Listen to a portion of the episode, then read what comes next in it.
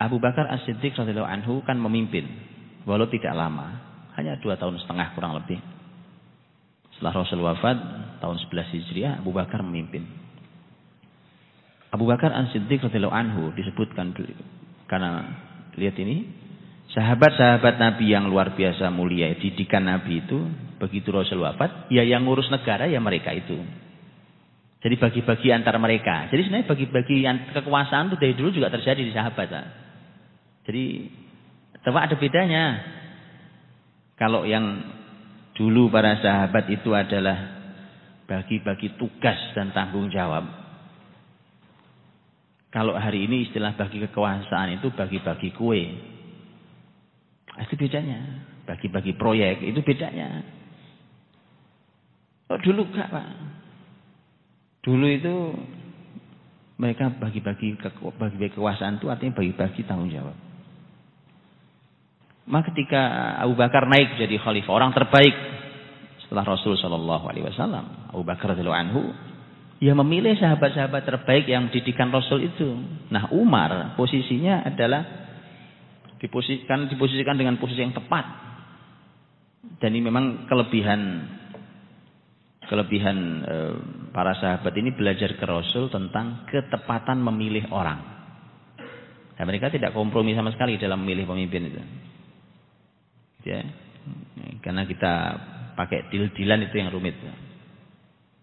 Abu Bakar radhiyallahu anhu mengangkat umpamanya eh, sahabat mulia Abu Bedah bin Al-Jarrah radhiyallahu anhu. Abu Bedah itu oleh Nabi Muhammad disebut sebagai amin hadhil ummah. Orang paling amanah di umat ini itu Abu Bedah radhiyallahu anhu. Abu Bedah karena disebut orang paling amanah. Jabatan apa yang paling pas untuk beliau kalau orang paling amanah itu paling pas jabatan apa? Urusan keuangan.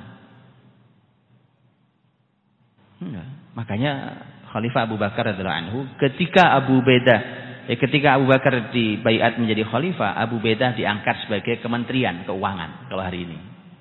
Kekayaan negara, keuangan. Karena amin, hadil ummah, orang paling amanah kata Nabi.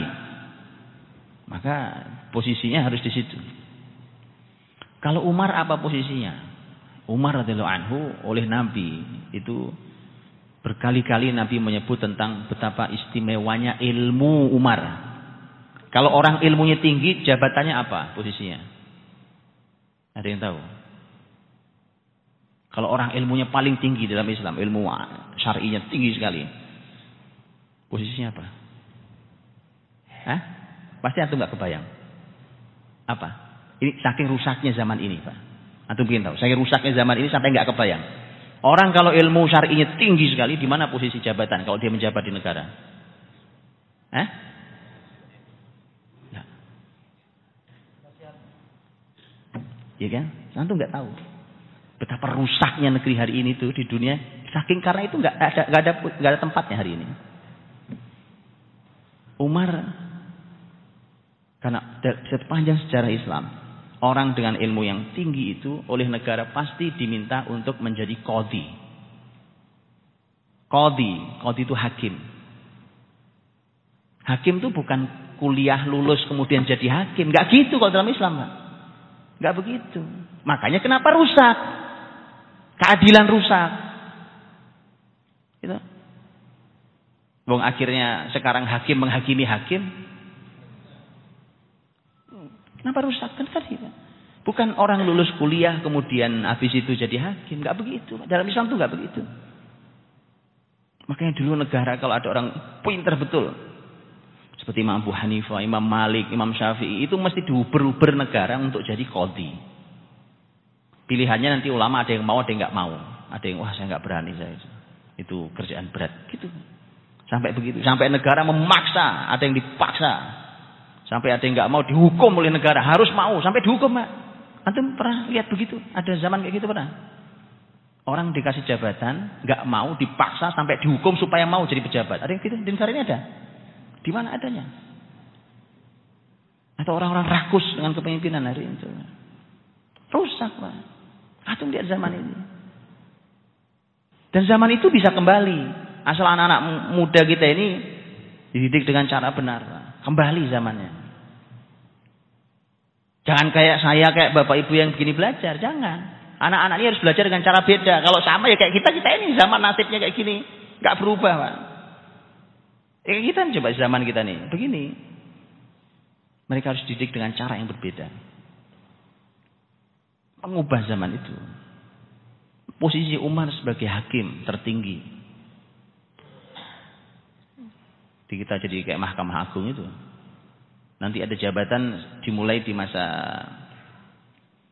di masa uh, alim besar murid Imam Abu Hanifah, Abu Yusuf yang dikenal orang pertama yang memiliki jabatan namanya Qadhi Qudah. Qadhi Qudah itu uh, hari ini kurang lebih posisinya seperti apa ya? Komisi yudisial. Jadi dia menghakimi para hakim. Kalau ada masalah atau lihat keputusan-keputusan hakim. Nah, untuk itulah ketika Umar radhiyallahu anhu posisinya posisi itu di posisi sebagai posisi ahli ilmu. Ada kisah yang menarik diriwayatkan. Diangkat, Umar kamu posisinya hakim. Gitu. Itu bagi-bagi itu. Jadi memang yang paling top itu masyarakat kalau kepemimpinan ini dibagi sesama teman-teman ngaji. Itu kan teman ngaji bareng sama Rasul dulu. Abu Bakar ya duduk sama Umar, ya duduk sama Abu Beda, duduk begitu. Nah dibagi-bagilah. Silakan dibagi. Karena harus dibagilah. Kalau mau sendiri nggak mungkin. Dibagi tetapi kepada sesama teman ngaji. Nah itu baru top itu. Selama itu belum ya belum. Belum. Eh belum. Kalau ukurannya belum itu belum. Tentu orang berkualitas harus orang berkontak karena tidak tidak semua teman ngaji layak. Itu mereka tahu. Nah Umar menjabat setahun lamanya waktu itu. Maksud saya setahun itu sejak dia diangkat setahun berikutnya Umar mengajukan pengunduran diri. Mundur dari jabatan.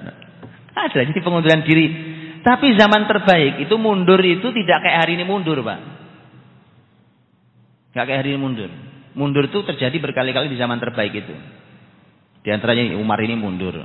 Antum nanti lihat kan, bahkan pemimpin tertinggi mundur yaitu Hasan. Hasan putra Ali. Radhiyallahu anhu majma'in. Mundur dari jabatan tertinggi sebagai khalifah. Tapi beda mundurnya. Mundurnya bukan karena masalah, enggak, enggak ada masalah. Kenapa Umar mundur? Datang ke Abu Bakar, saya mundur dari, dari jabatan ini. Kata Umar, eh maaf, kata Khalifah Abu Bakar, amin masyaqqatin ya ibn Khattab. Apa karena sulit pekerjaan ini wahai Umar bin Khattab? Kata Umar, lah, enggak lah orang, oh dia orang berilmu bang. Nah, ini pas kalau buat saya enggak masalah. Tapi saya ini sudah setahun menjabat di sini. Tidak ada satu kasus pun yang masuk ke saya. Antum cari pak, di negeri mana ibu kota nggak punya kasus? Wallahi, wallahi Pak, wallahi. Zaman ini bukan zaman mimpi di negeri antah berantah, ini kembali. Kalau anak-anak ini kita didik dengan cara benar. Umar bilang saya gak punya kasus. Dan antum perlu paham ya, kalau antum buka ada buku bagus, buku Sirah Nabawiyah, bukunya Dr. Akram D. Al-Umari, As-Sirah Nabawiyah Sahihah. Di situ juga diungkap. Eh, maaf, buku yang satu lagi, Asrul Khilafah Rashidah. Ada beliau punya buku Sirah Nabawiyah Sahihah ada punya buku nama Asrul Risal eh, Al-Khilafah Rashidah. Itu beliau sampaikan, bukan cuma masa, bukan cuma Umar, bahkan sahabat di posisi kayak Umar di tempat lain sekian lama nggak ada masalah duduk. Mana ada pengadilan tanpa masalah hari ini? Apa ada gitu hakim nganggur? Aku nganggur saya nggak ada tumpukan berkas di meja saya. Yang ada hakim kekurangan. Saking banyaknya masalah. Ini bukan sebuah kebetulan. Apa kalimat Umar? Lihat. Lihat kalimat Umar, Pak. Lihat. Ini potret masyarakat loh. Bahwa masyarakat itu kalau dengan Islam memang bukan tidak ada masalah. Masalah ada, tapi sangat minim. Masyarakat tanpa Islam itu semua masalah. Urusan ini aja bertikai, urusan ini berantem, urusan ini masuk pengadilan. Tetangga depan belakang pengadilan bareng-bareng. Kok begitu wong satu kamar aja masuk pengadilan mulu? Masyarakat apa ini? Akhirnya kasihan pengadilan agama di negeri ini, Pak. Sampai dikenalnya, saya punya teman hakim di pengadilan agama. Sampai kalimatnya gitu. Ini pengadilan agama ini jadi pengadilan perceraian. Kan urusan agama banyak bukan, tapi perceraian mulai diurusi. Padahal Quran menyebut pernikahan itu sebagai misakon ghalidha. Tali yang sangat kuat. Tali kuat antum tahu, tali kuat. Gak bisa antum gunting gak putus, antum pukul dia gak putus, antum bakar dia gak kebakar. Itu tali tali pernikahan yang dimau oleh Quran. Tapi karena bukan Islam yang di yang dijadikan literaturnya, maka akhirnya kayak tali rapia, Pak. Gak usah digunting gitu, Pak. Kesenggol aja putus. Itu pernikahan yang terjadi hari ini. Itu harus koreksi serius, Pak. Koreksi serius sekali. Umar begitu mundurkan diri, dia berkata pada Abu Bakar radhiyallahu anhu. Kata Umar, saya pikir wajar. Wajar. Kenapa tidak ada kasus masuk ke saya? Ini adalah masyarakat yang hubungan sesama mereka adalah tawasau bil haq wa tawasau bil sabr. Mereka tahu kewajiban sehingga tidak mengambil mereka tahu kewajiban sehingga mereka tidak mengabaikannya dan mereka tahu hak mereka sehingga tidak mengambil melebihi haknya. Apa sih membuat kita bertikai, Pak? Yang membuat kita bertikai itu kewajiban tidak dijalankan, mengambil hak lebih dari haknya. Kan itu. Kalau ternyata ada yang kurang pas, kita saling menasihati, eh salah antum, nggak boleh begitu. Jangan lakukan. Tawasau bil hak. Umar Umar jelas sampaikan, karena ini masyarakatnya. Makanya kemudian fafi mayakhtalifuna idzan. Kalau begini keadaan masyarakatnya, atas dasar apa mereka bertikai? Atau bayangkan Pak, masyarakat sahabat Nabiin zaman itu, itu sampai tidak punya alasan untuk berantem. Yuk kita berantem. Alasannya apa ya kita berantem ya? Fafima yakhtalifuna idan. Hari ini antum lihat, kita bingung nyari alasan untuk bersatu tuh bingung. Apa yang buat kita bersatu ini apa ya? Atau lihat rusaknya lihat hari ini. Kayak begini kok dilanjutkan. Umat begini nggak bisa dilanjutkan. Tak bisa dilanjutkan. Harus diubah. Diubah jalur mereka. Hari ini loh kita bingung nyari alasan. Apa alasan kita bersatu ya? Dulu mereka nggak punya alasan untuk berantem. Apa alasan kita berantem ya? Itu teman-teman Allah. Itulah potretnya.